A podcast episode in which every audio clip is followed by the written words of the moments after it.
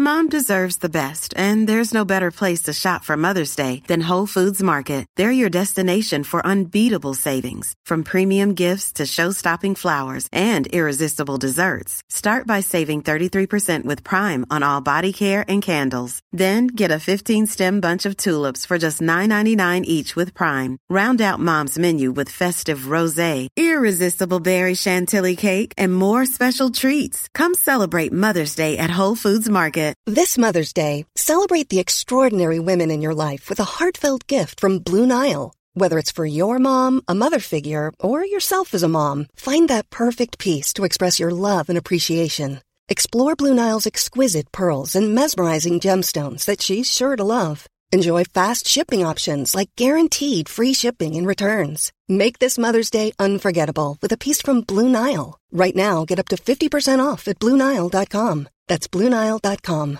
Hey, it's Paige DeSorbo from Giggly Squad. High quality fashion without the price tag? Say hello to Quince. I'm snagging high end essentials like cozy cashmere sweaters, sleek leather jackets, fine jewelry, and so much more. With Quince being 50 to 80% less than similar brands. And they partner with factories that prioritize safe, ethical, and responsible manufacturing. I love that. Luxury quality within reach. Go to quince.com slash style to get free shipping and 365 day returns on your next order. Quince.com slash style. Ja, Øystein, er du klar for pod? Jeg er kjempeklar for pod. I dag har vi en veldig spennende episode som jeg gleder meg til lenge. Dette her er jo kjernen ved hele din interesse, omtrent. Ja, det er omtrent det, altså. Det her er en bærebjelke og en veldig viktig del for meg. For, ja, Det er nesten som en kokk som er opptatt av dyrevelferd, er det ikke det? eh, skal vi se, hvordan tenkte du parallellen der? Eh, jeg elsker mat, men vil ikke slakte. Nei, Nei altså, du elsker skogsvrak, men du lar ikke ja. stå. Nei, ja, det er sant. ja, velkommen til Scootspoddens skogsrak-episode. Ja. Vi kjører pod. Ja, vi gjør det.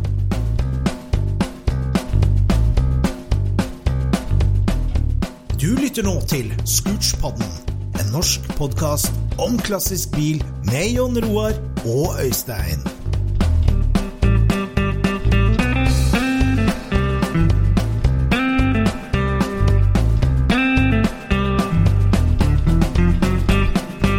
Yes, ladies and gentlemen, velkommen til dagens Scootspod-episode. Det er en glede å lansere Scootspod-episoden som skal handle om jakta. Detektivarbeidet, arkeologien. Ut fra gården, jakte på byttet, legge det ned på en dobbelaksla henger, stroppe det fast og dra det hjem som en stolt jeger. Det er det her denne episoden skal handle om låvefunna skogsvraka, de spennende opplevelsene i hobbyen. Ja, eller skaffe seg en bruktbil, som jeg sier, da. Ja, det får ikke høres kjedelig ut, men det er Nei, det her er en veldig viktig del for veldig mange entusiaster. Det er jo ikke liksom det med å, altså det å dra hjem et skogsvrak, en låvebil som har stått der i 100 år. Det er jo i overført betydning litt der. og å, finne en spennende bil da, som blir som, ja, trenger ikke, Den trenger ikke å bli din heller. Det er liksom jak, jakta. Det å ønske seg noe, og det å leite etter den der kista på enden av regnbuen, mm. det er jo en sånn helt universell skattejaktting det her mm. handler om. Mm. For der er det jo en ting, vet du, at du må jo først få samla alle disse mytene. Du må jo få vite at det skal være en kiste i enden av regnbuen også. Ja, så du har noe å stille jakt, eh, sikte etter, ikke sant? Ja, du må det. Ja, men også jaktinstinktet slår jo liksom inn eh, Altså om det er å scrolle Finn hver morgen, det, så liksom tenker du å, den, liksom, jeg scroller, scroller, nå kommer den snart. Ah, der er den! Ah, den er spennende. altså, og grei å ja, liksom finne, finne noe. Vær først til å finne noe, eller finne noe som ingen vet om, eller det, ja. ja. Det ja. trenger ikke bare være den kontaktannonsen at du liker fugler, skog og mark. Det er derfor jeg elsker når jeg på en måte ja, Om ikke kjører meg vill, så kjører jeg et helt nytt sted hvor jeg aldri har vært før. ja. da er liksom alle sanser bare tigangeren, liksom. Da er det bare Ja, det er jo det. Da er du ikke trøtt lenger. Ja, det, det, er flere ganger at vi er ute og kjører, vet du, og spesielt på våren. Altså, påskeferien hos oss, ja. den er sånn. For påska er jo ideell tid. For at du, du, du, drar ofte opp på fjellet, liksom litt avsides eh, kjøring. Og spesielt på turneen så har snøen virkelig begynt å tine.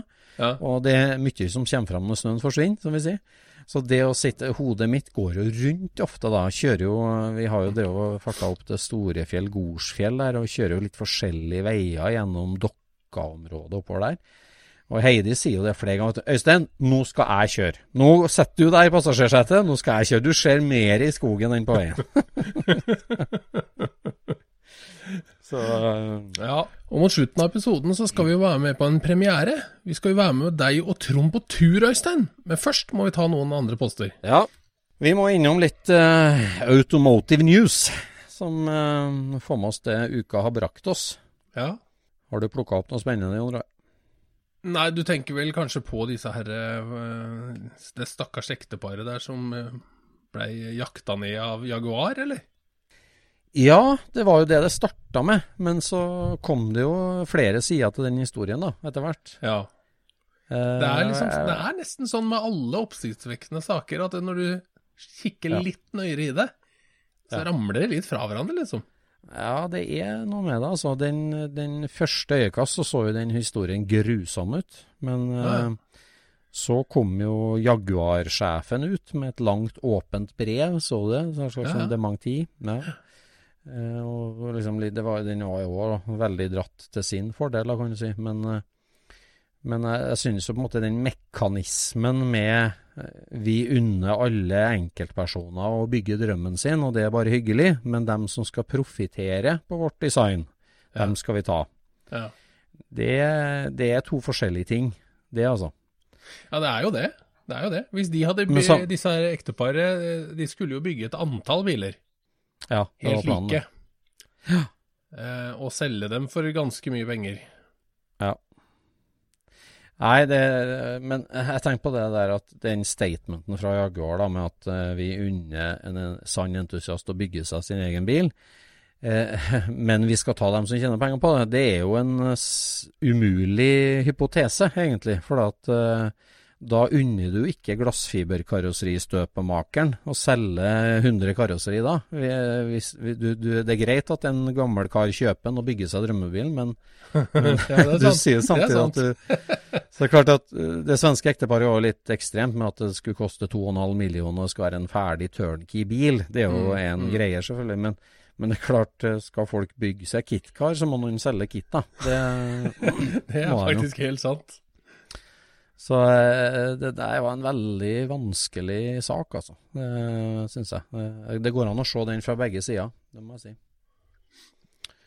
Vi har ja, altså, jo hørt Det spørs jo bare hvordan du liksom eh, hvilken, hvilken, vinkling du har på det, liksom. For at eh, eh den svenske rettssaken, den avgjorde vel at, at formen var copyrighta, på en måte. Altså at du fikk ikke lov å lage en som så, så lik ut. Nei. Og da er det jo utseendet. Og da er det jo det glassfiberkarosseriet som er greia, det er jo ikke resten. Ja, Nei. Nei, altså, jeg husker jo for 10-12 år siden så gjorde jo Folkevogn en sånn oppvask, ikke sant. Ja, ja, ja. Og, og dem eh, Det, det jeg stussa litt på der, da. Dem eh, der De gikk jo bare etter logoen. Ja, men de, de, prøvde mye bredere, vet du. Først prøvde ja. de på, på, alle mulige deler. Folk får ikke lov å lage deler til bilene våre. Mm. Og, liksom, og, det gikk ikke an, for da undergraver du hele reservedelsindustrien i verden. Og det, ja. eh, det greier Og så prøvde de på en del designting, med linjer på bobler og en del sånn patenterte ting. Men alt det var jo gått ut. Sånn mønsterbeskyttelse og patenter er jo gått ut for mange år siden. Ja. Så de endte jo opp med det at uh, eh, VV-logoen, der har han vel oppdatert en mønsterbeskyttelse for hver variant, og greid å si at ingen får lov å lage noe med logoen vår på. Eh, og da var det jo litt furore så Wolfsburg Wester og knuste panseremblem og masse greier til stor uh, ståhei på ja.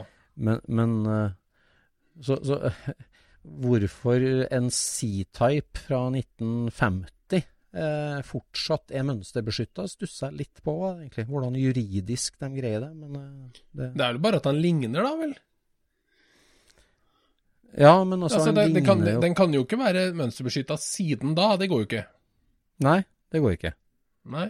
Så, uh, så derfor så har jo den svenske retten ja, kanskje i verste fall gjort en feil, på en måte. Altså de har bedømt det litt for strengt.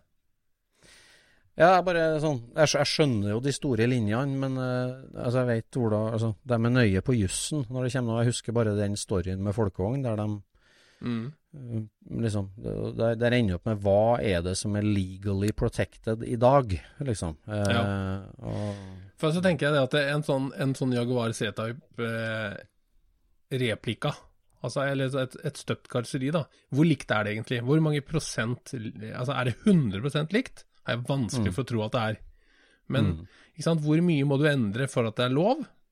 mm? For at hvis du, hvis du mønsterbeskytta en iPhone, da, mm, hvor ulik må en Android-telefon være da?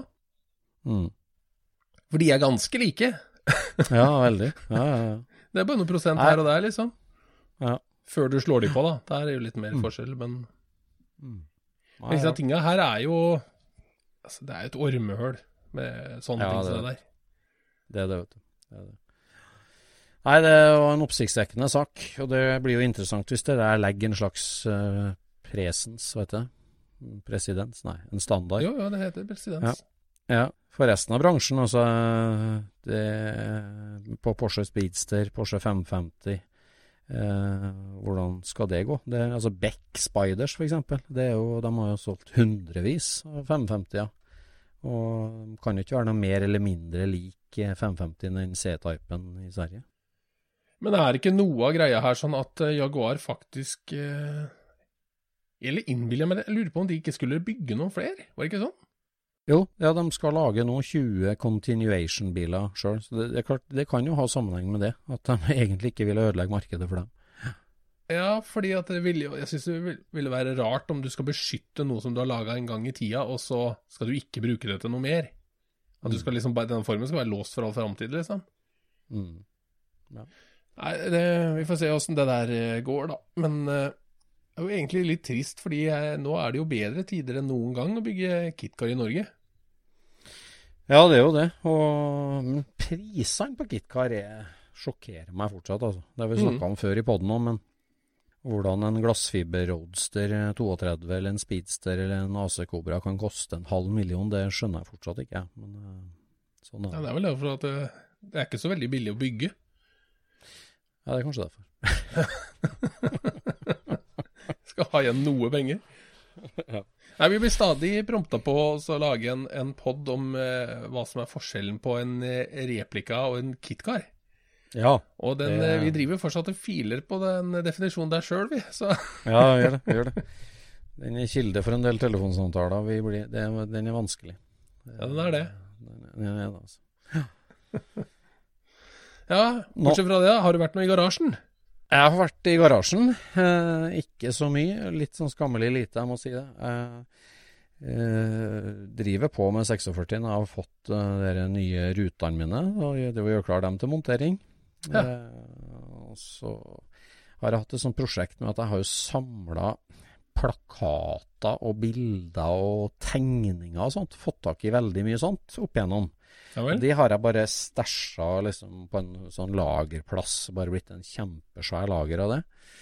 Og nå tenkte jeg, nå er det vinter, og nå har jeg god plass på gulvet utover på, på, eh, på låven. Så nå har jeg det var lagt utover og sett over hele plakatsamlinga mi. Ok. Det er kanskje ikke så spennende i en bilpod, men det er bare bilmotiv. Hvis jeg sånn. Ja, sånn. Så noen gamle originalpostere, altså sånn racingplakater. En herlig en fra Skarpnekk eh, Grand Prix i 58 i hvert fall. ok. Eh, så liksom prøve å få sortert litt der, for å prøve å ja, kanskje ramme inn litt og få på veggen og sånt. Så, men, eh, men ikke store ting. Det er altfor kjedelig. Altfor lite skruing. Det har vært så kaldt, men nå er det jo endelig null, null grader igjen. Så nå går det an å varme opp og komme seg ut. Ja. Nei, det, er... Så, Ellers så er det jo en uh, sak som herja litt på svenske sida denne uka her, som leder oss veldig fint inn til det vi skal snakke om i dag. Mm. Jeg vet ikke om du, uh, hvor mye du følger med på uh, de svenske samme sidene som meg, da, men der ble det diskutert Ferrari 250 MM, chassis nummer 242. Ok.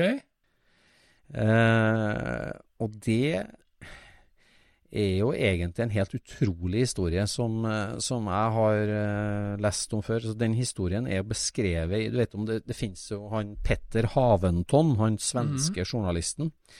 Han har jo lagd en million sånne bøker som heter 'Bilar från før'. Mm. Eh, der han har samla sort-hvitt-bilder fra svenske familier sine fotoalbum i eh, artige bøker, sånn kafétype bøker, som han har gitt ut over de siste 20 årene. Ja.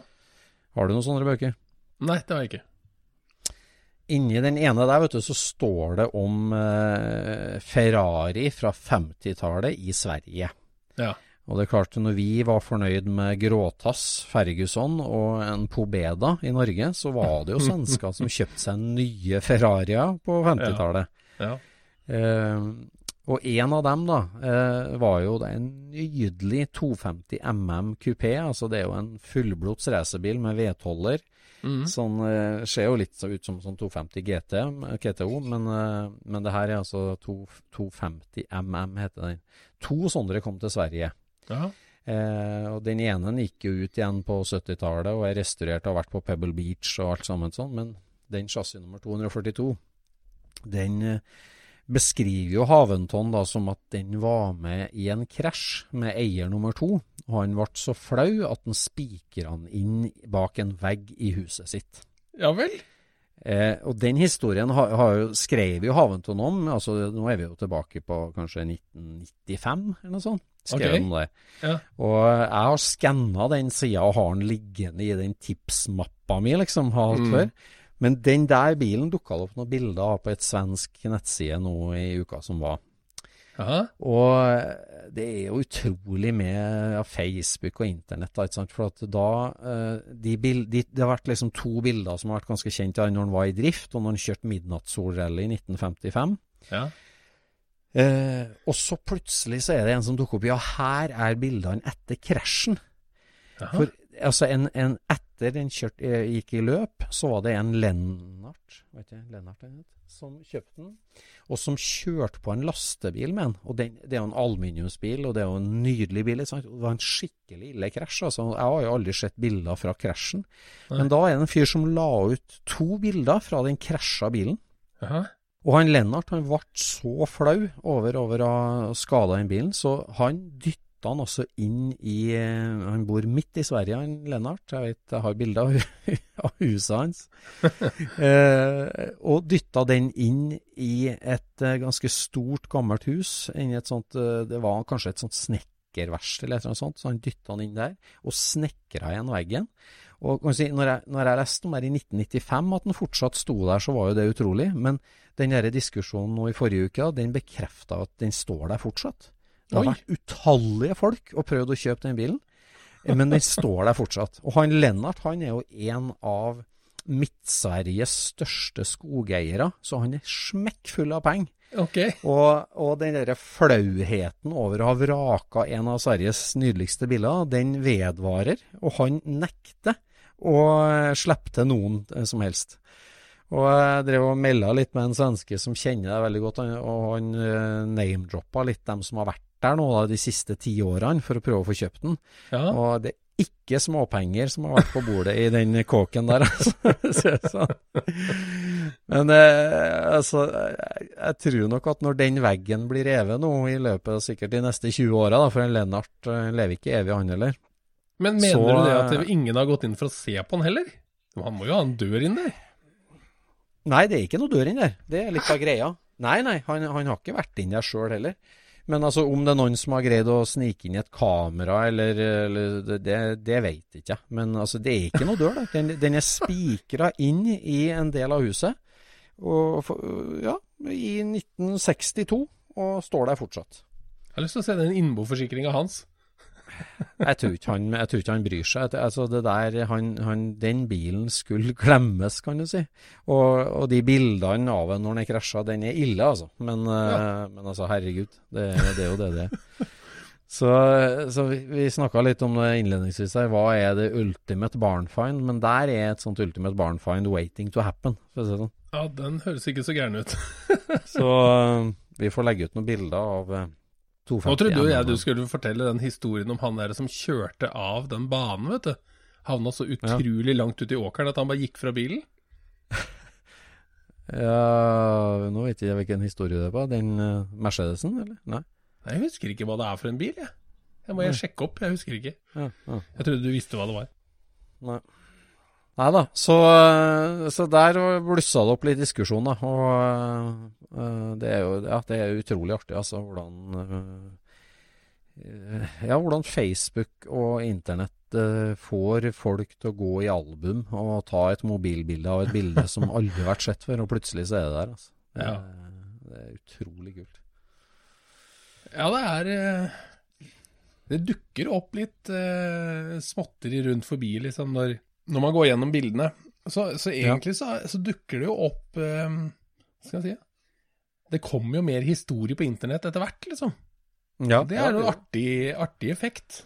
Det er veldig artig effekt. Det, for at, altså ja, det, for eksempel når jeg holdt på å forske på denne historien på Horchen min, da, som uh, har vært oppe i Lofoten og på Engeløya, så ble jeg venn med en god del pensjonister som husker på den bilen, og som hjalp meg litt videre med noen eiere og noen bilder av verkstedet der den var bygd om og litt forskjellig sånt. Mm. Så jeg kan si at uh, altså, Facebook er jo vår generasjon og oppover. Eh, barna mine bryr seg jo ingenting om Facebook, men for, eh, for generasjonen over oss, og enda to generasjoner over oss, så er det blitt en sosial møteplass. Ja. Som gjør at, at, eh, det er utrolig mye interessant historie du kan grave fram altså med, med, å legge ut og få i gang litt. Ja, ja det, det, er sant, det. Så jeg vet ikke hvor mange sånn sider jeg er medlem av sånn gamle dager i Holmestrand, eller eh, du, du veit du er fra Odalen, visst. altså, ja, ikke sant? Det, det dukker opp så mye artig, altså. Ja. Her om dagen så fikk jeg tak i en bok som jeg har gått og drømt om lenge. Ok. Det er litt artig eh, eh, artig sak, da. Jaha. Oi. Power Secret Smoky Power Secret Smoky Janic. Det er jo Smoky Unic, ja. Mm. Det er der eh, det står om eh, lange bensinrør, ikke sant? det står nok mye forskjellig. Jeg har ikke fått lest uh, hele ennå. Jeg, jeg, har bare begynt, og det er liksom Det er sånne, sånne personligheter som er larger than life, ikke sant? Liksom, når en sånn person skriver en bok om seg sjøl, da Da blir det ordentlig. jeg, tror, jeg tror Det var jo han som er kjent for det, ikke at NASCAR kjørte begrensning på bensintaksstørrelse, og så kjørte han 100 meter bensinslange. Ja, han, han, eh, Det har jeg hørt et eller annet annet sted, da, men han eh, ble stoppa i en sånn kontroll eh, mm. etter et løp. Og så mm. fant de ni feil på han. Ja. Og en av de feila var jo at de hadde oppdaga at han hadde en hadde Under testen så hadde han mm. hatt en oppblåst basketball inni tanken. så det gikk ikke så mye bensin på han, og så hadde han jo bare sluppet ut det der, Sluppet ut den igjen. Så den tanken tok de jo ut, og så fant de den basketballen, liksom. Og så skrev, det, så skrev, de opp da at eh, ja, du har ni feil. Og så, så ble han så sur at uh, han sa 'better make that ten', og så kjørte han til depotet uten tank.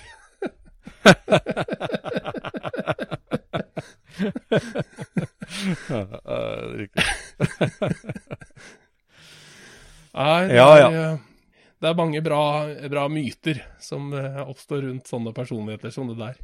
Ja, det er det. altså. Du får lese den, og så tar vi det i en egen pott, tenker jeg. Speed, Speed Secrets. By ja, ja, ja. Du har jo vært litt uh, oppfinner i uka som gikk òg? Ja, endelig så datt jo den der polletten ned, da. Jeg har gått og tenkt på ja. sånn teknisk løsning i så fryktelig mange år, altså. 15 år har jeg liksom ikke klart å komme over denne her eh, Denne metoden her, da. Hæ? Ja, Det er jo ikke bare én teknisk løsning du går og grubler på. Det er jo mange Nei, det er ikke det. Det er mange. Det er mange. Ja. Men, uh, men, denne her sånn, den har liksom vært uh, Ja, den har vært vanskelig, men, uh, men er, altså, Når du løser noe, så er det alltid mm. fordi at du ser problemet fra utsida av boksen. Mm. Det er hver gang du løser noe, så er det liksom bare Å, må jo, du må fristille deg fra det som fins. Så må du se det i en annen vinkel. Det er vanskelig, altså. Ja, det er vanskelig. Så ikke vis meg eh, et konsept, liksom, hvis du skal ha en, en fersk løsning. Nei, nei, nei. Da, er du, da er vi på dette her allerede. Liksom. Ja, du må snu ryggen til det og se en helt annen vei, egentlig. Skal du... Ja. ja. ja, for det datt ned på lettet, og du uh, fikk ideen om hvordan feste svinghjul på en smart måte. Ja, så nå, eh, nå, har vi fått til en løsning der som eh, ja, kommer til å gjøre, gjøre, bra fra seg, i hvert fall. Det, ja. det tror jeg. Så da, så da, får vi se da om, eh, om um, gammel vane er vond å vende osv. Ikke sant. Det her er ikke, ja. det er ikke bare bare. Det her er, det er mye ære som settes i swinghjulsbolter, vet du. ja, ja. ja, det er en myte, det der med gamle cowboytriks for å feste svinghjulet godt nok. Ja, ja, ja. Hvor mange vært... stifter har du, liksom? Ja. ja. ja.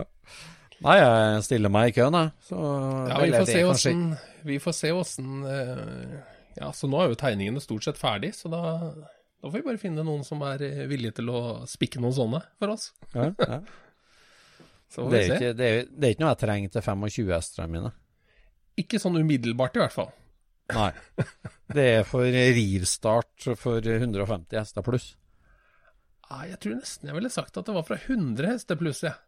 100 pluss, Hvis du er liksom uheldig. Altså når du begynner å tenke på at du vil ha åtte stifter, ja. da er du da. der at du ja. Eh, da setter du den der her isteden. Det kommer til å bli billigere og langt bedre. Ja, da. When four, when four ain't enough. Da må du kjøpe det. Ja. Men Jon Roar, vi sporer oss uh, helt bort fra dagens hovedtema, nemlig mm. jakt, låvefunn, skogsrak. Jeg kan ta en, mm. en parallell historie der, en slags overgang. ja.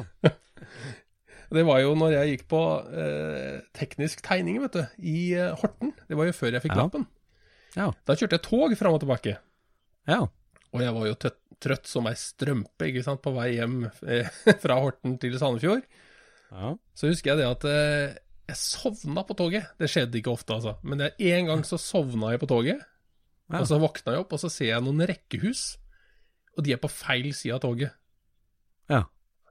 Bare Hæ? Hva skjer nå? Går toget tilbake? Nei. Ja. Så kikka jeg litt nøyere, og så bare Oi, jeg er på andre sida av Sandefjord. Ja. så jeg var da på, på vei til Larvik, jeg, da. Ja. Og dit hadde jeg aldri kjørt med toget. Nei. Så da var jeg bare ding! Lys våken! Her skal det ses etter skogsvrak. ja. Og hva tror du oddsa er for å finne skogsvrak når du, når du gjør en sånn ting som det der? Altså, de skal jo være sylsmå. Men vet du hva jeg oppdaga ja. på den turen der? Nei. Der oppdaga jeg en dueblå eh, splitt eh, pickup. Oi. Som du så fra toglinja? Som jeg så fra toget, ja. Såpass? Så da var det jo tilbake dit, da, så fort jeg fikk lappen. så kjørte jeg jo til den der gården og banka på. Gjorde du det? Ja, ja. Og den var der? Nei, de hadde ikke noen sånn bil. Oi. Nei. Men så, så jeg tenkte det syns jeg var jækla rart. Det må jo ha vært en som har vært på besøk eller noe, tenkte jeg da. For den sto bak låven. Ja. Og så, så, gikk det noen år, og så fant jeg han som hadde vært på den gården og kjøpt den. ja, det gjorde det. ja. Ja, Nei, det er jo et gammelt jungeltriks. Det, at eh, det som du ser fra jernbanen, det er jo litt sånn nedtur. det. Hvis du får tips om en gård der det skal stå et eller annet, og du kjører dit, og så ser du jernbanen i bakgrunnen, så bare, mm. It's picked over. For at eh, alt som, er eh, som du ser derfra, det er jo jakta opp og funnet. Ja, Men det trikset her sånn var jo at han var veldig langt fra jernbanen. Så det var sikkert det nesten Hva kan det være der? Det må nesten være 500 meter eller noe sånt nå? Men ikke sant, det er jo ikke så mange pickuper som ser ut akkurat som en folkevognpickup i profil. Nei. Ja, for du reiste jo aldri til jobben uten kikkert, selvfølgelig. Det hadde du alltid med deg. Det var jo feil retning, det der, Øystein. Så den, den var ikke synlig fra bilveien, den der. Den var jo bak låven, mot jernbanen. Ja, jeg skjønner jo det. Men eh, når du satt på toget da, og greide å spotte den, så måtte du ha med kikkert? Var det det prøvde å fleipe litt? Det, ikke. Det var ikke så artig fleip? Nei, det var ikke så veldig artig fleip.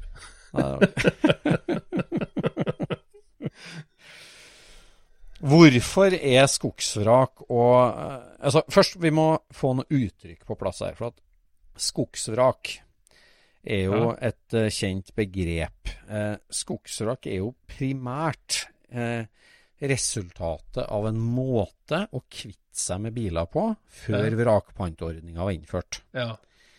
Eh, sånn at eh, på en måte Skogsvrak har jo en litt sånn eh, det, det, er en litt sånn endelig ressurs, egentlig, tenker jeg.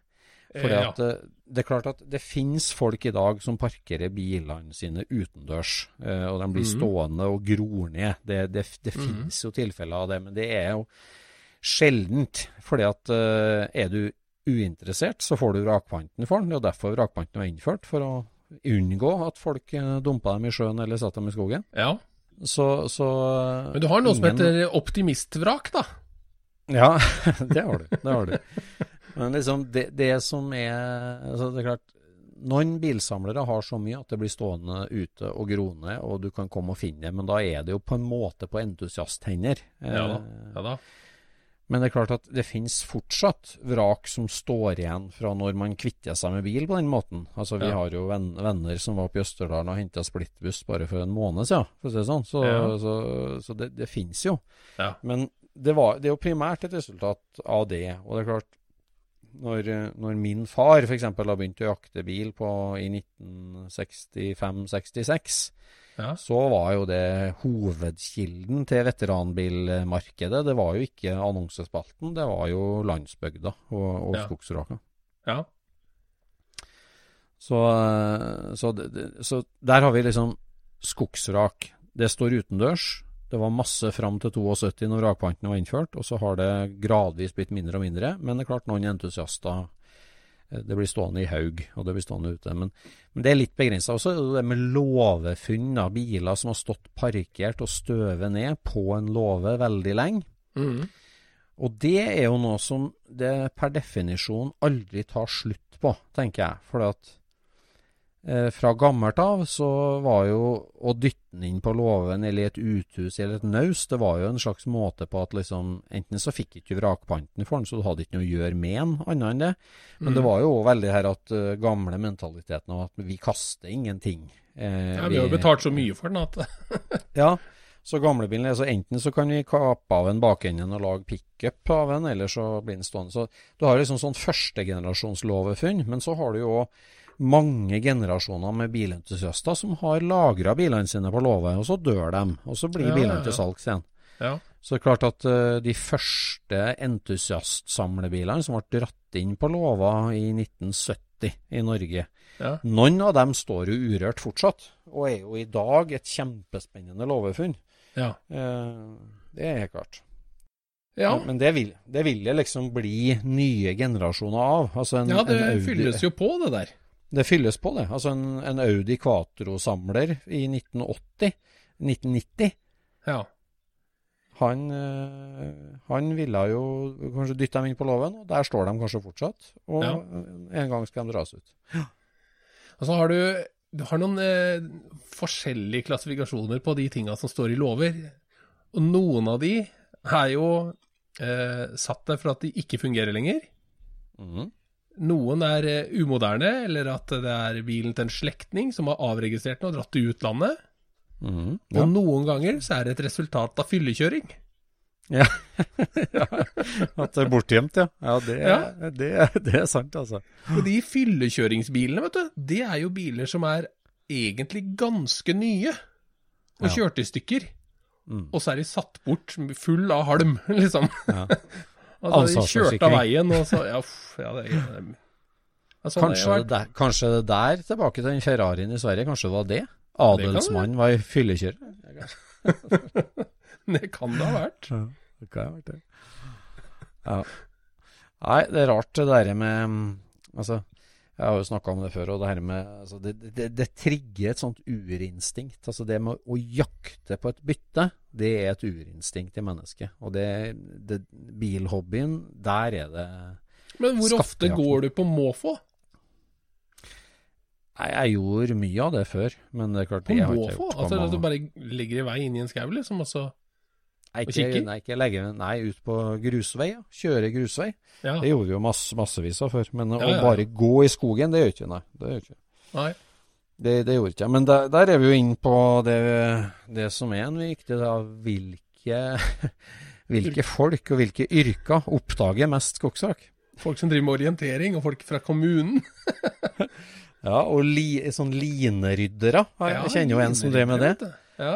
Han, eh, det, han, dro jo fram eh, så mye spennende uh, som jeg, jeg kjenner som drev med det. Og så klart hogstmaskinfolk, da, men de er jo livsfarlige i andre enden, da.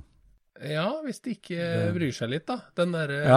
Borgården som vi bare henta, var jo funnet en, skogs, en skogsmaskinfører, vet du. Og han ja. hadde jo laga en liten seng av, av tømmerstokker og dratt den ut på. ja, hadde han det. Så han brøy seg jo over i gjennomsnittet. Ja, men Da har du jo den der, den der Barndor Samba-bussen som nå er under restaurering i England. Der var det jo ja. hogst i de dype canadiske skoger, ikke sant. Og der eh, hogg ja, de og hogg og hogg. Plutselig så sto han der. Og da tar jo han klypa inn og mosen og hiver den oppå lastebæreren og drar den fram. Ja. Eh, for da var det liksom sånn Vi må få rydda skogen, det skal ikke stå igjen drit her, liksom. Ja, ja, ja. ja. Og så er det en fyr på tømmeroppsamlingsplassen som tar bilde av den haugen som kom ut, og ja. legger den på Samba og blir solgt til England, og nå er den restaurert. altså, den var jo bare småfiller, og nå er den sveisa sammen igjen? Ja. Det er eh, altså engelskmenn, altså. De er, ja, de, de er rå på det der. Ja, de er helt rå. Men i Norge, jeg lurer på hvor vanlig dette her er, at du, at du finner sånne tømmerkoier som er eh, folkevognbusser, liksom, med, med gjøtul og, og skorstein? Ja, det er jo mange av dem. Eh, altså, ja, men Står det det i Sverige òg, liksom, eller er det, eller er det et norsk ja, ja, fenomen? Nei, det har vært masse i Sverige òg, det. Det jeg vet om, men det står en barndoor i, en dag i dag, rett over for svenskegrensa fra Trysil, som står midt oppi et uh, naturreservat i Sverige. Ja. Med skorstein opp gjennom taket. Og flere som har prøvd å hente den ut og fått lov til å hente den ut, men det er forbudt med motorisert ferdsel i det, i det naturreservatet. Så får ikke hente den ut. Ja, såpass, ja. Så det var det bare En gang så var jeg på skogsvrakjakt i ditt distrikt. Eh, var du? Ja. Ja. Aha. Jeg var ute i Fosen. Aha. Ja. Og der fant jeg en eh, Det er vel en 56 panel Aha. som sto eh, på et jorde eh, ved Sjørna. Ja, jeg vet hvor Sjørna er. Ja. Og den sto ute på jordet og var da eh, overbygget til en, eh, en brønn. Hvor det sto ei pumpe. Det står en pumpe inni den bilen yes. eh, som forsynte en gård da, med, med vann. Men eh, når jeg var der eh, Altså, jeg var jo der når jeg var liten, kan du si, og så den der, der sånn utpå det jordet. Og syntes jo det var ja. kjempespennende. Det sto en gammel bil utpå jordet, liksom. Ja. Og så, og så var jeg der igjen mange, mange år etterpå. Og da var den borte. Så spurte jeg hvor er det blitt av den på jordet, liksom. Ja, den står oppe i skauen. De hadde bare flytta den, vet du. Nei. Så gikk jeg opp for å kikke på den, men den, altså, den hadde jo klappa sammen. Hadde den? ja. Nei. Men det er jo en gammel, gammel, buss, liksom, og den hadde bare ramla fullstendig sammen, da. Men, men, den hadde da gjort nytta si som bil, pumpehus og nå skogsvrak. Nei, fy ja, Står den der ennå, eller ligger der ennå? Ja, ja, resten ligger nok der ennå. Jøss. Yes. Det var ukjent for meg. Jeg trodde jeg hadde sett i Folkongen på Fosen. ja. Ja. Kan, ja. Uh, kan peke den ut på kart, så kan du reise dit. Ja, ja. ja. ja. Det er jo noe eget med, med, med skogsvrak. Altså, når du er eh, mindre, da er det veldig mye spenning knytta til å liksom finne den. Ikke sant? Altså, det er, her er det noe gammelt, noe som er ja, kanskje litt skummelt, liksom. Altså, det kommer brått mm. på, ikke sant. Altså, mm. Det er, noe, det er noe fremmed i skogen, ikke sant? Ja, ja, ja det er det. det, er det. jeg husker at når vi, når vi drev og kjørte til Trøndelag når jeg var liten, så satt ja. vi alltid og kikka etter den der lokomobilen. Ja.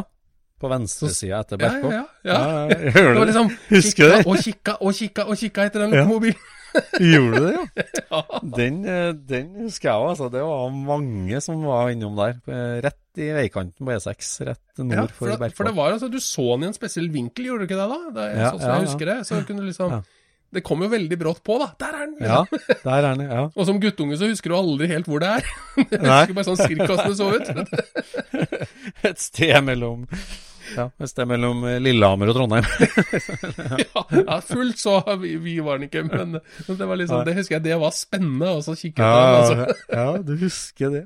Ja, det var spennende. Det var en veldig spennende sak, det. det, det. Ja. Hva er en lokomobil egentlig, liksom? Så kult. Ja.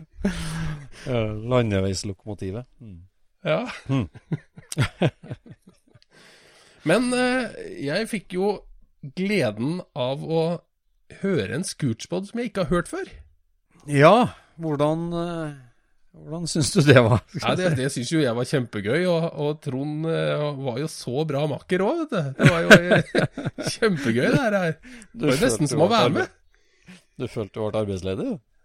Ja, ja, jeg tenkte at nå, nå kommer vel innbytterbenken inn her, og så tar de over. Så, så kan jeg bare sitte hjemme og høre på, det blir deilig. Nei, for det som, eh, det som vi skal fram til, da, det er jo det at eh, for noen måneder siden så fikk vi en, et interessant tips på Scootspoden.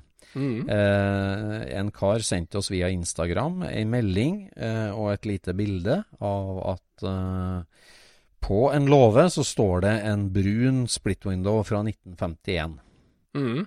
Eh, han, eh, det var ikke bare et sånt løst tips, det var et bilde av en se her hva som står i mitt distrikt, liksom. Ja. Og det var et veldig opphissende bilde, får jeg si. For det, Ja. du ser jo med en gang òg, det er profilerte fangere, det er originalskjermer, det er små tutgriller. Man så det med en gang at det her er the real deal. Mm. Og, og fikk jo det som tips. Og det var jo sånn at eh, han som tipsa oss om det, ga jo ikke inntrykk av å være eieren på noe vis. Eh, eller sånn, det var liksom bare et tips. Mm. Og det var veldig sparsomt med opplysningene. Eh, Men det var jo en podlytter. Det var jo derfor tipset kom. Ja, det var jo det. Altså, det, det, det, altså, det som var poenget, var at uh, meldinga på Instagram uh, ga Ja. ikke inntrykk av altså han, Det var en podlytter, Ja. men, det uh, det var ikke noe inntrykk av at uh, det var hans bil på den, liksom. Her er det et spennende tips. Ja. Og så begynte jo vi å grave litt i det tipset. Spora litt. Det var noen holdepunkt å gå etter.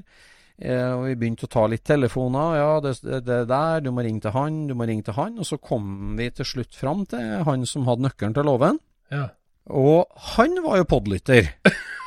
eh, og det var jo bare What?! Det var jo veldig spesielt men så, nå viste det seg jo da i løpet av dagen at det var jo samme mann. Som hadde tipsa, ja. ja, det var det, vet du. så, så det var litt artig. Men, eh, men av det da, så, så spurte vi om det at uh, kan jeg komme tvert? Kan vi komme i morgen og se på han? Men så ble det en par uker utsettelse og sånt. Og så ble vi enige om at vi kunne ta med oss uh, opptakerutstyr og prøve å ta opp underveis, rett og slett. Og Ja. lage en, en live eh, Eller lage et opptak av jakten på låvebilen. I felten, liksom. I felten, rett og slett. Og det her er ikke noe fake news, for det her var helt nytt for meg og oss. At uh, Altså, ante ikke hva som venta oss. Uh, Det, det var det hører man i poden, at dette er ikke Det skuespill, altså. Nei, så eh, det er klart vi klarte ikke å vente, men jeg kunne ikke vente til du kom opp fra Sandefjord en gang, så jeg spurte naboen, Trond. Lillebråten, om han Ja. ville være med på skogs... eller på låvebiljakt. Ja. Så prøvde vi å ta opp, da. ja. Ja, Det gikk jo ganske bra, det. Ja, jeg får håpe det. Det, det var litt sånn eh, Ja, det var, det var en ny setting, det, altså. Men eh, det var en dritspennende tur. Så tipset var altså brun 51-modell på en låve. Ja. Og hvor går turen, Øystein? Nei, det er jo litt hemmelig da, fortsatt. Ikke fordi at uh, vi er så redd for verken eh, det ene eller det andre, men uh, eieren vil ikke ha noe oppmerksomhet. Det var helt greit å, å se på han, og det var helt greit å ta opp lyd og litt sånn. Men eieren vil være anonym, og stedet forblir anonymt. Ja. Men da kobler vi over til Øystein på biltur. Ja.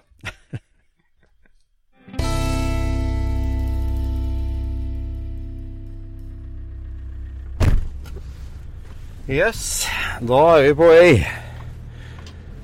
Eh, det er minus tolv grader på Toyotaens innetemperatur og utetemperatur. Men det blir varmt etter hvert.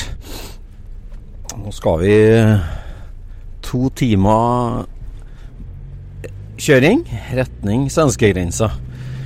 Og det er bestandig sånn at når eh,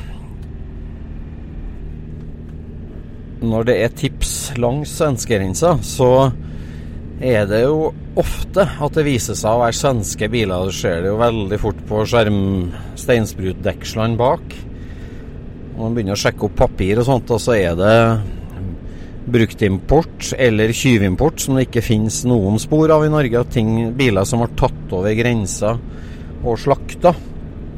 Eh, og vært stående igjen på både låva og i skoger. Det har vært på flere ganger før, kan du si. Får vi se hva det her blir.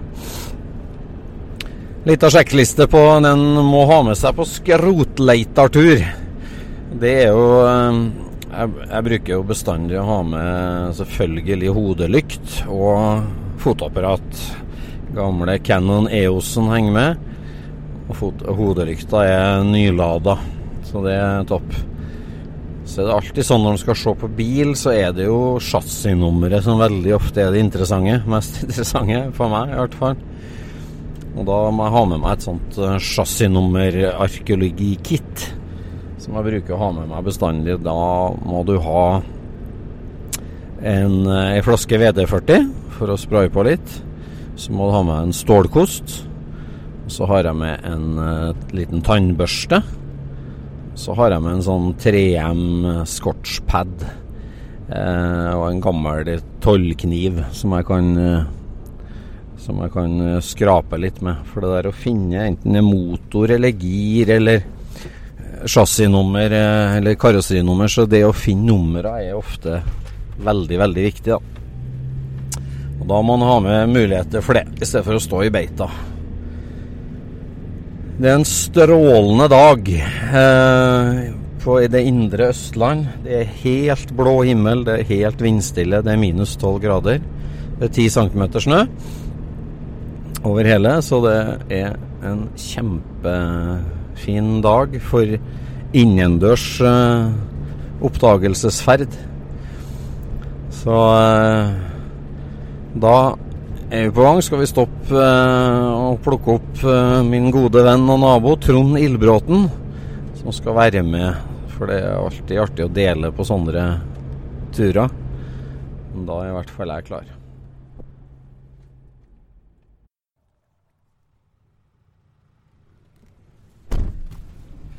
Yes, da er vi klar. Da kom jeg inn i mer sivilisert bil med varme og greier, vet du. Og og sjåføren er min gode venn Trond, Trond Ildbråten.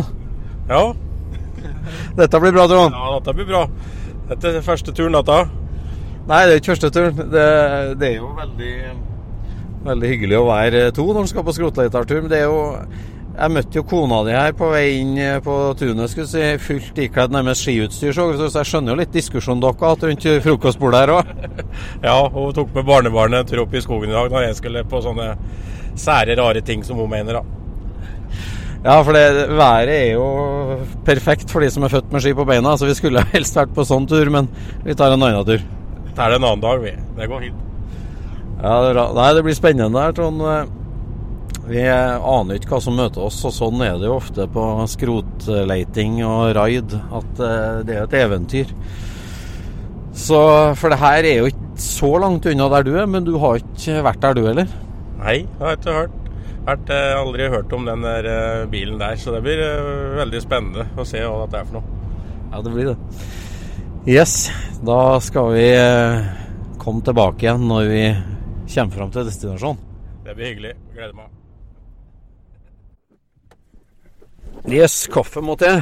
Så her er det Tar jeg meg av kaffeavtalekoppen, så er vi i gang. Ja, ja, nå nærmer vi oss, Trond. Ja, vi er det. Det er bare noen kilometer av sted. Det er kjekt med digitale karttjenester, for nå har vi fått ei adresse der vi skal møte opp.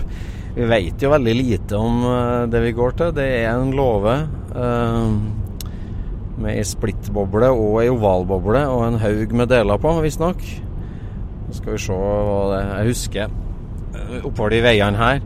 Vår gode venn Terje K. Han var jo Det her er jo 15 år siden når vi var på noen raid her. Jeg vet ikke om du husker på han derre fyren som bodde ved siden av en golfbane borti her? Jo da, jeg har hørt om han. Ja. Han hadde jo masse bilgreier. Jeg husker jeg var på et sånt småbruk han hadde nærme svenskegrensa. Det sto masse, men i hvert fall så hadde han en del folkevogndeler som, eh, som han sa Han, han har høgd noen bobler, han fyren der. Og så, og så De hadde han lagra på et småbruk litt lenger unna, så han eh, skulle være med og vise oss det der. Og Da husker jeg vi kjørte over her forbi innsjøen her, opp på andre siden, på andre siden av fjellet, langt innover der.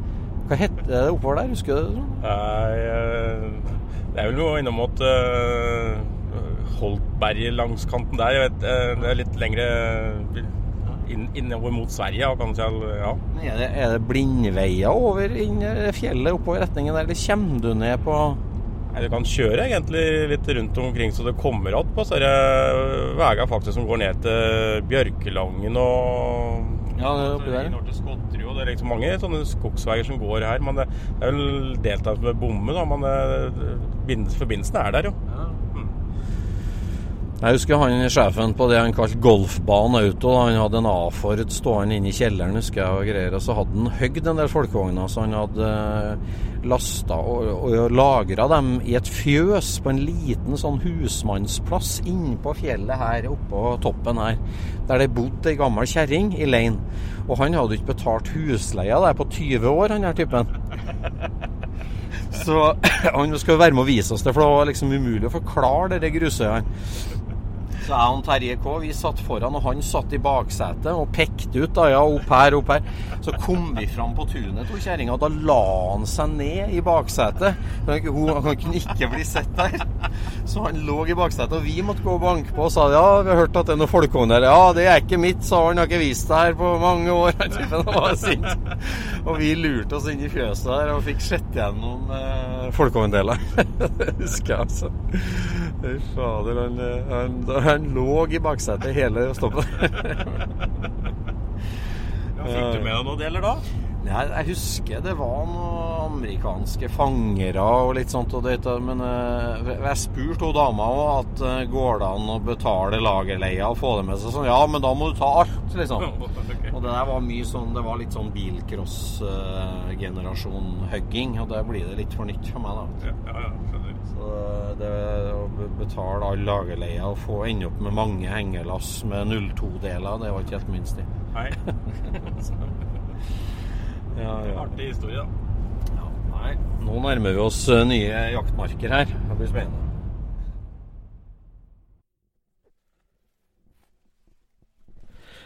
Her må det være inni skogen her. Fy fader. Her er det altså Nå har vi kjørt inn i et boligfelt, og et lite skogholt i bakkant her, så står det altså ei grå, svært tømmerhus. Og det er du som var Øyvind, da? Det høres kjent ut, ja. Her er jo som en sånn erkefunn, hvis det skal være splittboble inni et falma tømmerhus sånn, gjemt i skogen, langt inni norske dype skoger. Det her er jo en sånn drømmesituasjon. Øyvind, du må fortelle litt hvor vi er, eller hva, hva historien her er. Vi er i de dype skoger ved svenskegrensen, og vi er et gammelt uh, lager etter firma familiebedriften. Så spesielt morfaren min drev da og samle opp skrot og ræl gjennom alle år. og noe av det er igjen her, da. Så får vi se om vi finner noe rart. Ja, For du er fjerde generasjon lokal smed, du, nærmest? Ja, jeg tar det som en kompliment, ja. Ja, ja for det her var et spennende tips som vi fikk eh, melding om, og da var det veldig trivelig at, at du er villig til å åpne opp dørene. Altså, ofte så er det jo vanskelig å komme seg inn på sånne lover med splittbobler på, men det var veldig hyggelig at du kan ta imot oss. Vi får håpe hun står her da, iallfall. Vi får se. Ja, vi får håpe det. Men altså, for du, du, sa det, det og fortalte meg det at oldefar din starta som smed, og så ble det bilverksted etter hvert, og med fokus på folkevogn. Ja, vi var underavdeling til Kongsvinger Auto, som da var via Møller igjen. Og drev med service på folkevogn. Ikke salg, men service, ja. Og da ble ting bytta, men da putta på lager her, det som ble plukka av? Noe ble igjen her, ja. Nei, det blir veldig spennende. Vi får håpe du har med nøkkelen, da. Det har jeg faktisk. Ikke prøvd den, så vi får se hvordan det går.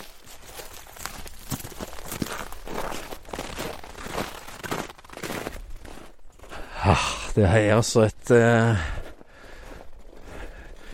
helt sånn eh, prototype tømmerstue. For du sa at det her var altså et, det gamle speiderhuset i bygda?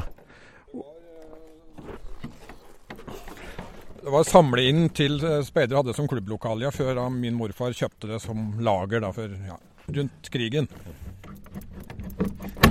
Må vi se. Da får se, nå åpner vi døra. Nå krikker låvedøra opp her. Her er det en Willys-jeep som uh, lyser mot oss. Det er trivelig. Se her. Herregud. Det var Her er det fullt av bil. Her er det litt uh, smått og godt, ja. Og det her er, alt det her er ting som Har du sett? Her var det atskillig eh, Så det her er ting som står igjen etter, eh, etter oldefar og morfar. Hovedsakelig firmabiler. altså så er det noe som svogeren min eier.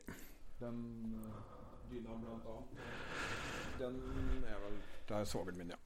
Og den gokarten er til nevøer. Ja, for her står vi altså inni en, da, en åpen tømmerlåve, sånn eh, en og en halv etasje. Og det er gamle verktøymaskiner, presse, dreibenk, ser jeg som er stueånda. Det ligger seter og, og skjermer og dy, dytta opp på taket. Det er tømmervegger og tregulv. Det er Mini Morris, en eh, sånn Toyota Dyna, ikke det? Jo, eller heter det? Ja. Og sykler Utrolig utvalg. Veldig artig. Og her deler ligger det oppå taket, ser jeg, oppunder stua oppunder. Dere har vært og forsterka låven litt og holdt den i stand? Ja, det ligger en skole like ved som har, ja, de har vært inne her, for å si det sånn. Så vi har eh, tett igjen nå, da. Så jeg håper ja. fortsetter sånn. Ja, for det ser ut som takkonstruksjonen òg er bra i orden. Og, og... Tak og sånn har vært helt i alle år. Altså. Om det ikke er noe mer ellers, så er det iallfall vært tett, tett, her. Tørt og tett. Nå ble jeg litt ukonsentrert, for nå ser jeg små, runde horngriller i eh, sidesynet her. Her er vi altså kommet til Her er det splittboble. Det passer bra. Fy fader, har du sett. Her er det altså innerst i hjørnet en eh, Det er jo pansermerke og Ishas-luka, så da er det en Sein 51. Må det være? Jeg tror det. Jeg tror de har fått bekreftet det en gang før. På sosiale medier. ja, den ser ut som en sein 51-mæl, ja. Veldig hel, da. Sånn, må jeg nesten legge bort eh, mikrofonen for å se på. Den er jo Det ser ut som kanskje han har vært eh, Han er litt bulka. Var det et slags eh, uhell som var forut for at han havna i eierskapet her, eller? Jeg veit ikke. Vet ikke. For Ofte så er det jo sånn når det er sånn vært svenskegrensa, så har de svenske steinsprutdeksel, og det er svenskimportbiler. Men her er norsk sånn i utgangspunktet, ser jeg. Ja, det er mulig. Dette kan du. Med Lloyds-skilt. Uh, ja, det her, eh, nå, må jeg, nå må jeg legge fra meg mikrofonen litt her, for det må jeg inn og se litt. Veldig spennende bil. Jeg må uh, ha på meg hodelykta òg.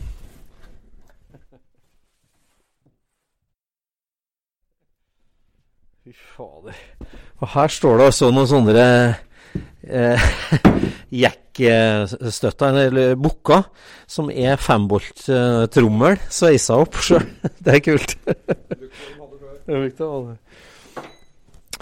Bilen ser jo utrolig hel ut. Han er L51 brun.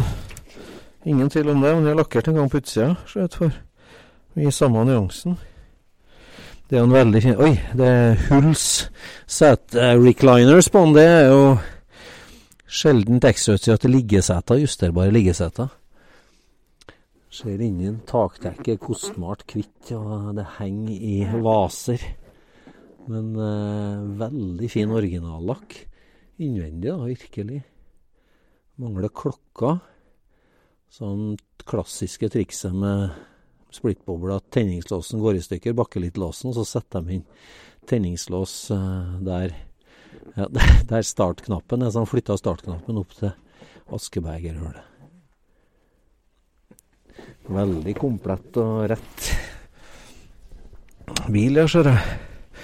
Det er 657 baklykter, men originalskjermer med bulk.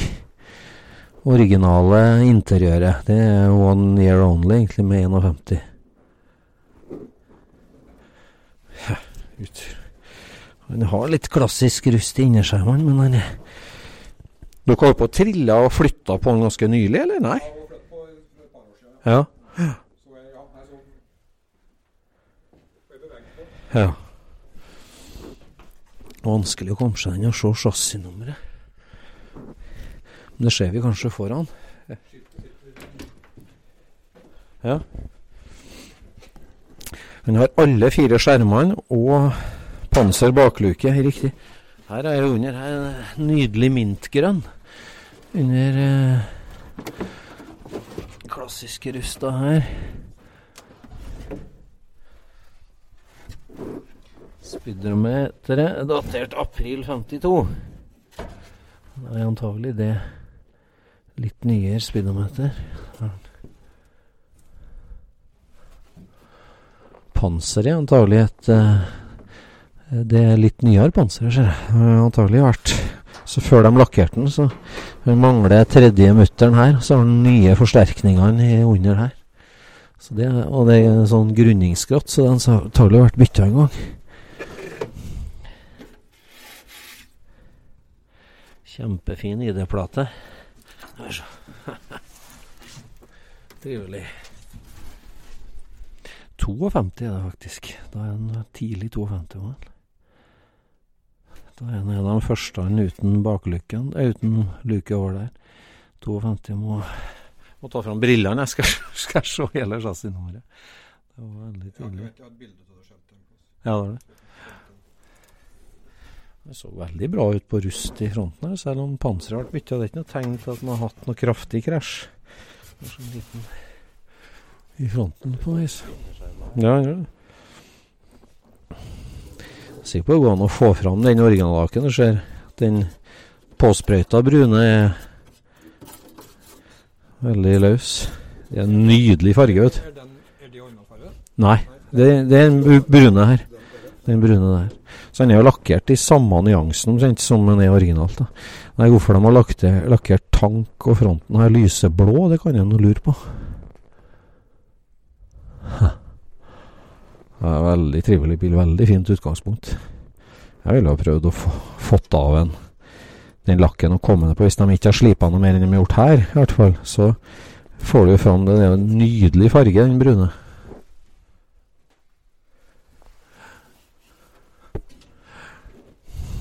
Likte løkringa med Hella-logoen gravert inn. Det er vanskelig å få tak i.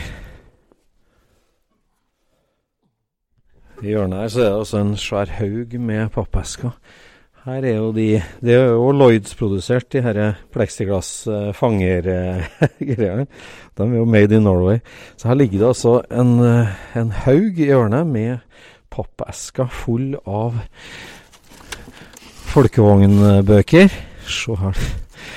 63 transporter, karosseri og masse nye deler. Det ser litt eh, 70-talls ut, en del av det. Mye bremseårer, men for et bibliotek. da. Her er det gamle, blå meierikasser full av eh, folkehåndbøker. Harald A. Møller. Eh, teipa pappesker. det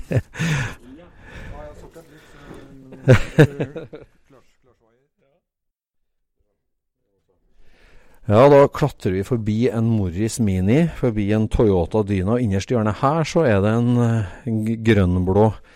Hva har vi her, Øyvind? Er det 55? Ja. Jeg er litt usikker. Jeg er dårlig til å huske, men eh, det vet sikkert du etter hvert. Som da er etter eh, morfaren min, da, som har handlet av en lokal kar. Så jeg er vel ganske komplett, og motor er jo i denne, så vidt jeg husker. Den her hadde du papir på og var kjent med? Dette er papirer, og har vi kontroll på. alt registrerbar etter hvert. Så en herlig Apache-sykkel òg foran her. Er det din gamle, eller? Det er eh, nevøene mine som samler litt uh, noe sykler foreløpig. Sykler og mopeder. Sykler og mopeder. Ja, det her er altså en uh, grønn uh, oval USA-fangere. Nyere skilt foran. In baksetet tyder på 4-5 Oi, oi, oi, det er jo en Texas Brown. En nydelig farge. Brun, den er original. Nei, det er jo Oi, oi, oi. Det er jo en sånn Åh, hva heter det? Amazon. Hva fargen, da? Det er en sånn bronsemetallic. Det er jo den absolutt fineste ovalfargen som fins. Hva heter den, da? Amazonas Nei. Ah, flaut. Fy fader, den. Ett svært eksosrør. Og, og jeg er liksom litt styla med noen grønne Grønnlakkert og forskjellig. Forshaga står det på, som kommer fra Sverige. Det er originalt. Opprinn opprinnelig, ja. Det har vært det, ja? Ja. Ja, så bakplata er jo er jo Nei, det er litt vanskelig. å se. Den er mod modernisert litt med USA-fangere og forskjellig. Så nydelig farge, altså. Den derre bronsemetallic Det er en utrolig fin farge. Er det en 55 antagelig som Må se på chassisnummeret, men det ser ut som en Jeg trodde den fargen kom først i 56, men Da går vi innover i, i fjøset her, og her er det inni Hæ? Ja, det er ikke folkevognen, vel? Er det? Her ligger det gamle trehylla. Her er avdelingen for vippestell. 34 stell. Innerst her er det noen gamle mopeder og forskjellig. Her står det altså et hav av girkasser. Veldig sortert og fint. Dere. Stort sett sein 50-talls, tidlig 60-talls. Skal vi se Trekasser. Her er motorene. 30 hester. Den der er jo tidligere. Har de snudd blekket feil vei. Her står det altså snekra opp noen hyller, og så smekkfullt med folkevognmotorer i nederste etasjen. Veldig Veldig sirlig lina opp. Oi, her er det høl i stempelet, altså. Det er byttemotorer, tydeligvis. Skal vi se. Var det lov å gå opp i andre etasjen òg, Eivind? Si at der er det lenge siden det har vært folk. Innerst oppe, øverst. Tåler en 80 kilo,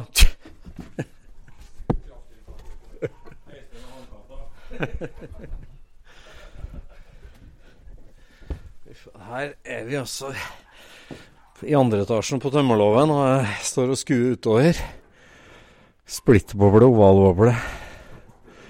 Her er det avdelinga for karosserideler oppå her.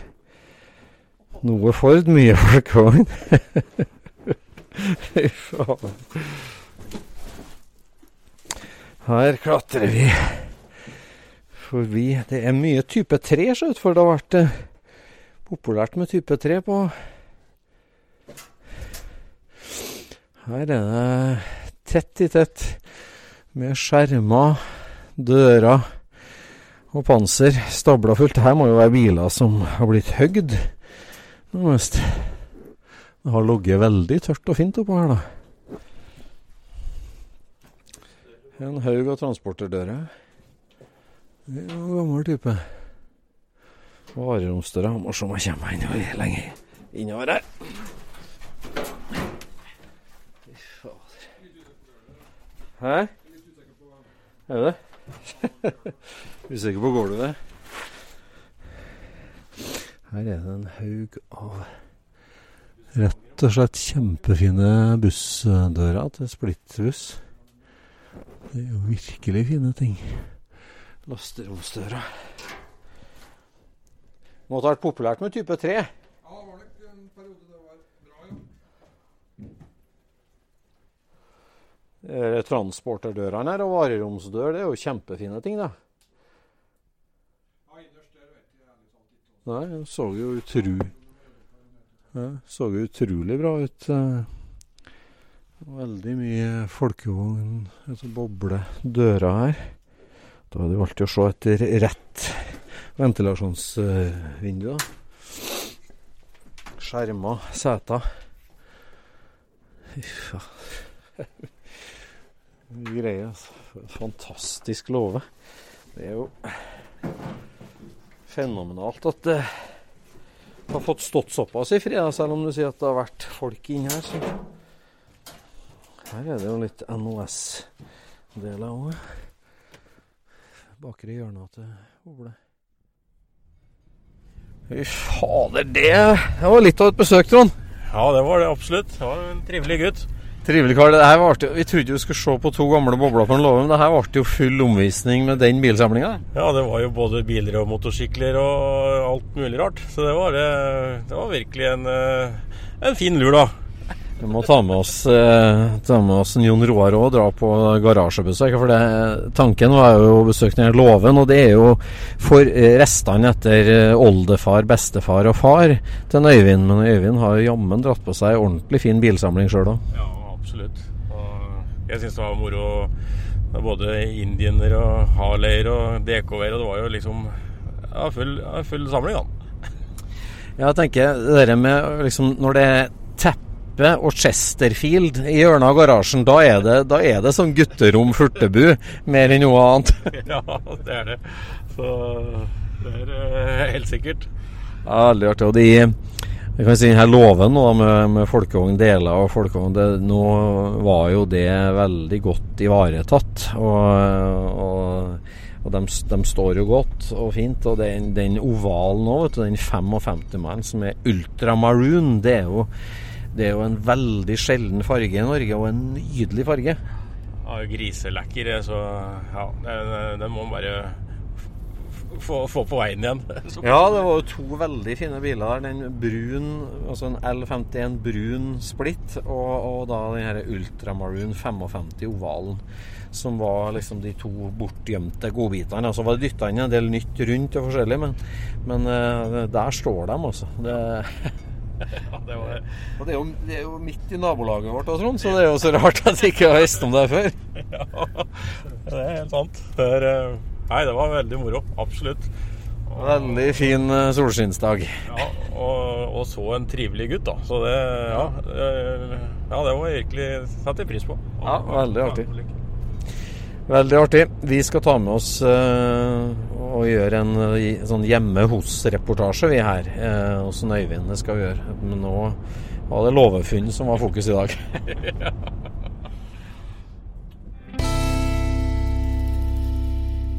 Nei, det her var kjempegøy, Stein.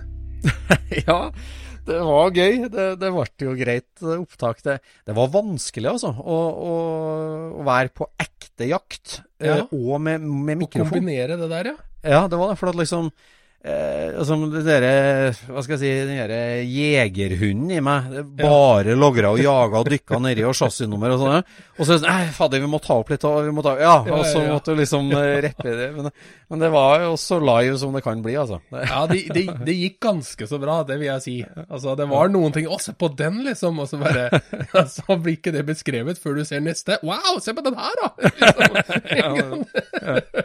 Nei, det var, det var kjempeartig, vet du det var jo mye mer enn vi trodde. Altså, både eieren hadde jo en del andre ting som var spennende. Og innpå denne låven, altså, det var ikke bare den bobla. ikke sant? Det var jo masse ja, ja. deler. Det var mye greier. Så det, det ble en veldig innholdsrik tur. Altså.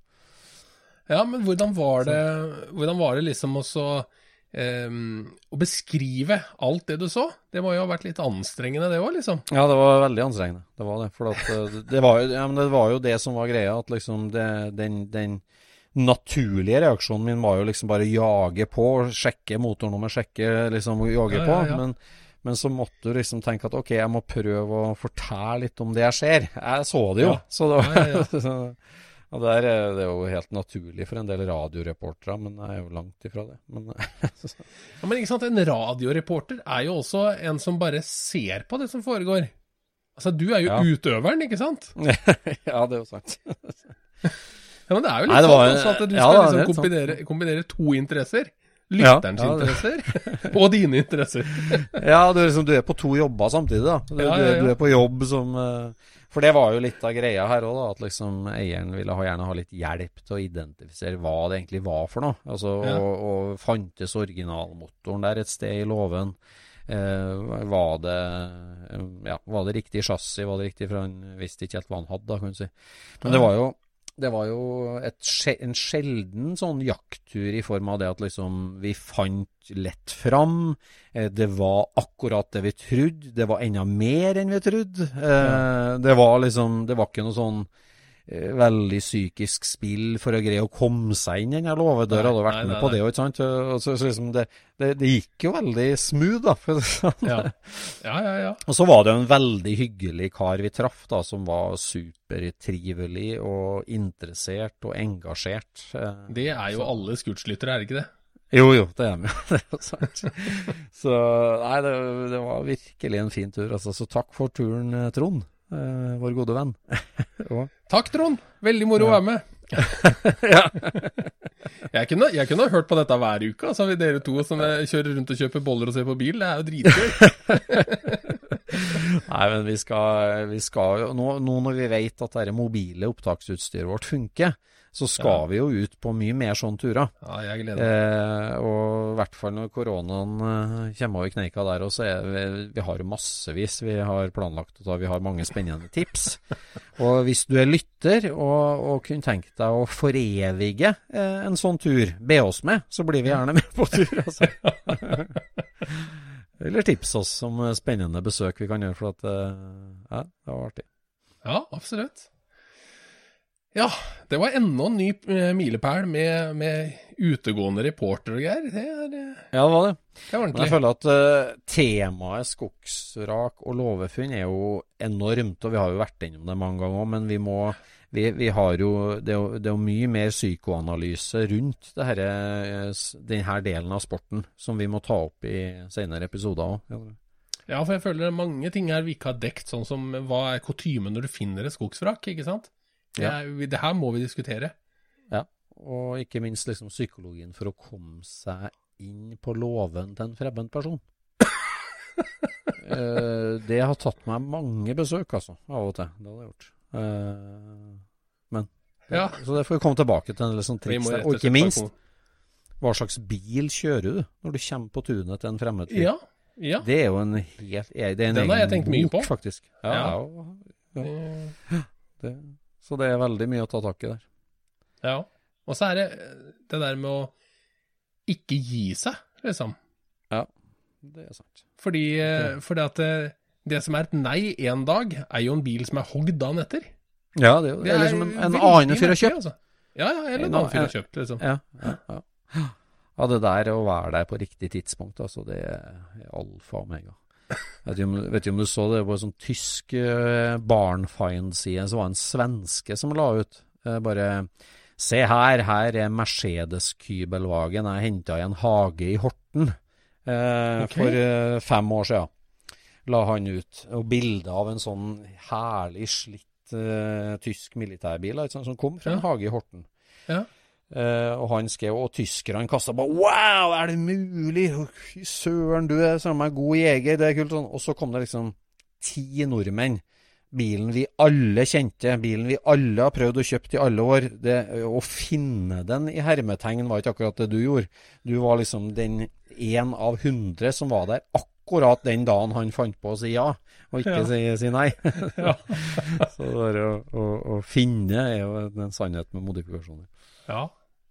Nei, Horten er en bra by i så måte. Så det er i hvert fall fire biler i den byen som, eh, som jeg har kjørt og sikla på. som har stått, ja, i, ja. stått, i, hager og sånt nå. Ja, Kanskje vi må ha en uh, live-reportasje over Horten? ja, det syns jeg vi skal gjøre, vet du. Ja, ja. Nei, men det, det, var jo da eh, en feltrunde og en første skogsakepisode. Vi mm. har mang mange flere å glede oss til. Ja. Så eh, får vi bare oppfordre alle til å, å følge oss på Instagram og ja, ja. hive seg på Tips som Patron hvis de vil, eh, vil, støtte dette her eh, omflakkende reporterteamet vårt. og tips en venn. Hvis du hører på podden, så vil sikkert vennen din gjøre det òg. Det er sant. Ja. Takk for i dag. Ha det bra. Scootspodden produseres av SSC Media, med god hjelp av VV Norge og Trond Dahl for hosting, Knut Micaelsen for musikk. Abonner på Scootspod via podcaster eller Acast, og følg Scootspod på Instagram og se det vi snakker om. Der kan du også komme med kommentarer og innspill, og fortelle oss hva du vil høre om.